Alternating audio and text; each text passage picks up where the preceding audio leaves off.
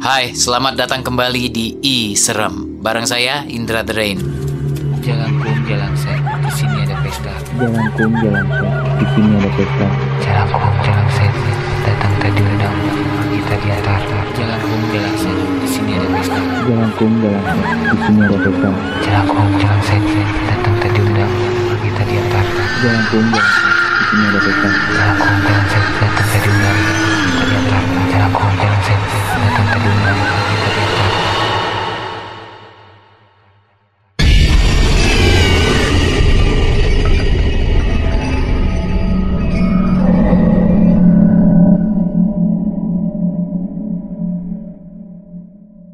Teman-teman, sudah ada sebuah kisah horor yang siap untuk diceritakan kali ini. Tapi sebelumnya, jangan lupa kalau kamu punya pengalaman pribadi yang serem, pengen kamu ceritain, silakan. Kirim email ke program at iradiofm.com atau DM ceritanya ke Instagram at podcastrsj. Cerita kali ini datang dari Ayu. Jadi Ayu ini bercerita tentang pengalaman horor yang dia alami sendiri waktu masih jadi anak kos di kota Malang. Spesial nih buat kamu yang sedang ngekos atau pernah jadi anak kosan. Langsung kita dengerin cerita yang dikirim dan dibacakan langsung oleh Ayu. Ini dia, I Serem. Kak Indra, halo juga pendengar Isram. Kenalin, aku Ayu.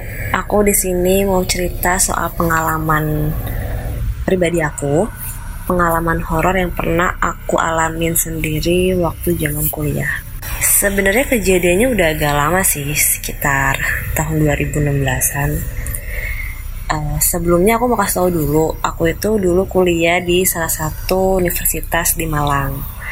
Dan kebetulan aku orang Tangerang, jadi mau nggak mau aku harus ngekos sana.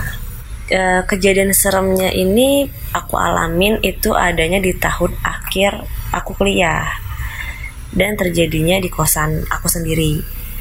Uh, jadi menjelang tahun terakhir aku kuliah di Malang, aku sempat pindah kosan karena di kosan pertama itu ada beberapa alasan yang agak privacy yang nggak bisa aku share di sini. Nah, uh, kejadian seremnya itu aku alaminya di kosan aku kedua itu. Awalnya sih kosan kedua ini aman-aman aja ya.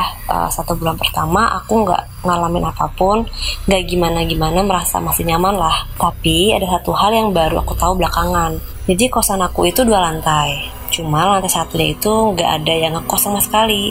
Ada ada ada kamar, ada sekitar empat kamar di lantai bawah. Tapi dari awal aku pindah ke situ sama sekali nggak ada yang ngisi. Ya kosong begitu aja. Aku sempat nanya ke Mbak Yanti uh, itu penjaga kosan di di sana? Aku tanya kenapa lantai bawah tuh nggak pernah diisi uh, selalu kosong gitu? Si Mbak cuman bilang di bawah itu suka dipakai sama ibu kos jadi sengaja dikosongin buat dia.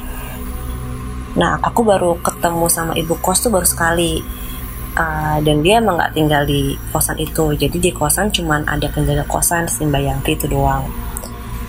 Aku uh, ketemu sama ibu kos itu baru sekali. Dan itu pun di bulan pertama. Jadi pas aku ketemu sama ibu kos aku tuh ngeliat dia bawa banyak banget kue-kue gitu. Kayak kue jajanan pasar kayak mau ada acara.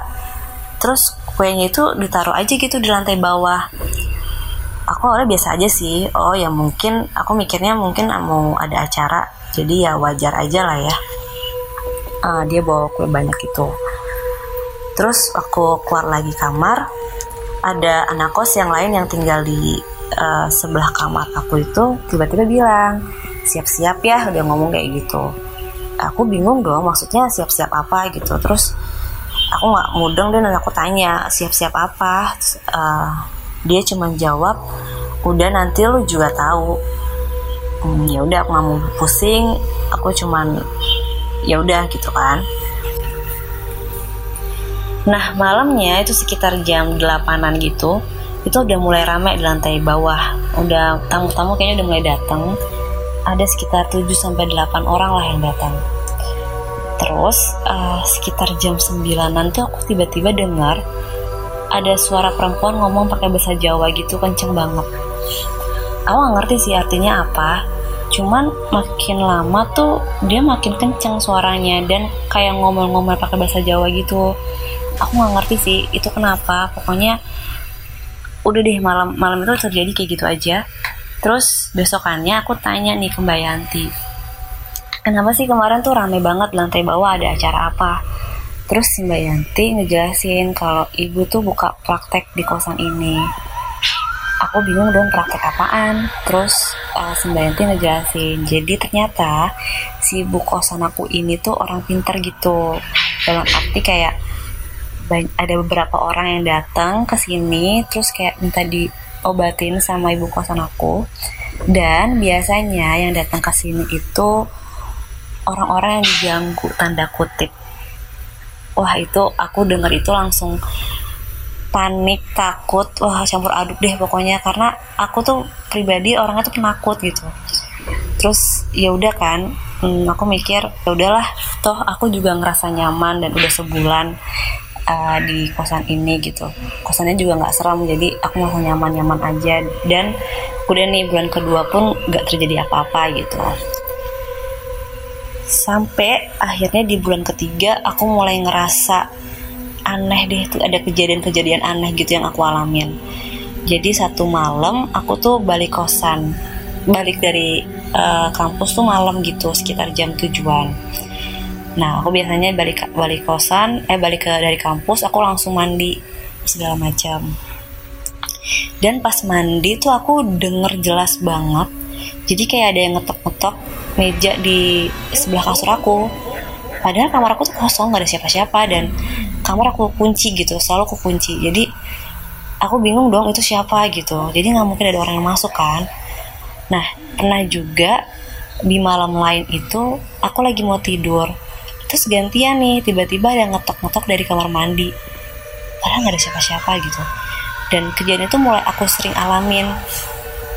Dan takut banget sih jujurnya dan yang paling parahnya lagi itu aku pernah uh, jadi uh, aku sama teman aku tuh ngerencanain buat ngerjain tugas kelompok uh, bareng gitu.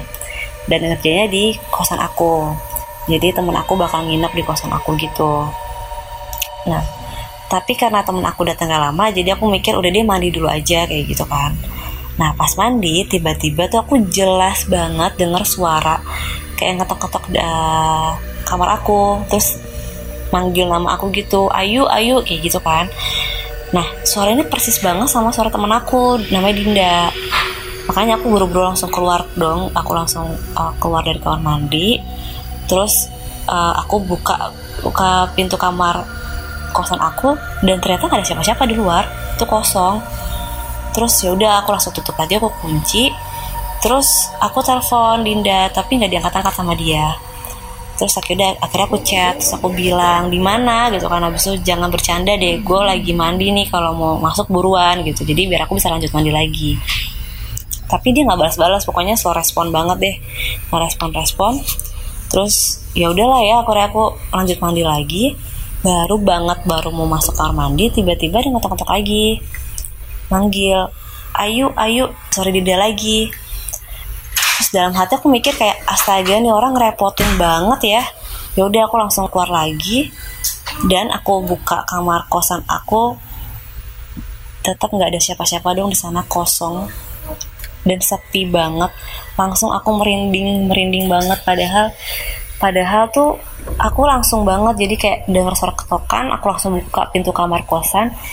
Jadi kalau dia buat ngumpet tuh nggak ada waktu kan sebenarnya tapi kosong saya aku langsung kunci lagi kamarnya. Terus aku langsung lihat HP nih dan ada balasan dari Dinda chat dari Dinda. Pas aku buka chatannya dan dia bilang yuk sorry ya gue kayaknya agak malam udah datang kosan lo. Aku merinding banget dong jadi yang aku tadi dengar itu uh, itu suara siapa gitu dan itu jelas banget masa jelas banget dia manggil-manggil nama aku aku cuman kaku megang HP deg-degan takut pokoknya mikir deh aduh itu serem banget. Dan begitu Dinda datang aku ceritain semuanya. Dia pun takut gitu akhirnya kita nggak jadi ngerjain tugas malah jadinya aku yang nginep di kosannya Dinda gitu. Eh, pokoknya aku nggak tahu sih kejadiannya ada ada hubungannya gak sama praktek yang ibu kosan itu. Pokoknya aku cuma mikir "Ih, serem banget deh pokoknya. Keren tuh bulan terakhir aku ngekos itu karena ya itu karena aku penakut jadi aku langsung cabut dari kosan dan pokoknya nggak mikir panjang deh aku langsung keluar dari kosan itu dan cari kosan lain dan alhamdulillahnya nggak terjadi apa-apa sih aman-aman aja sampai aku lulus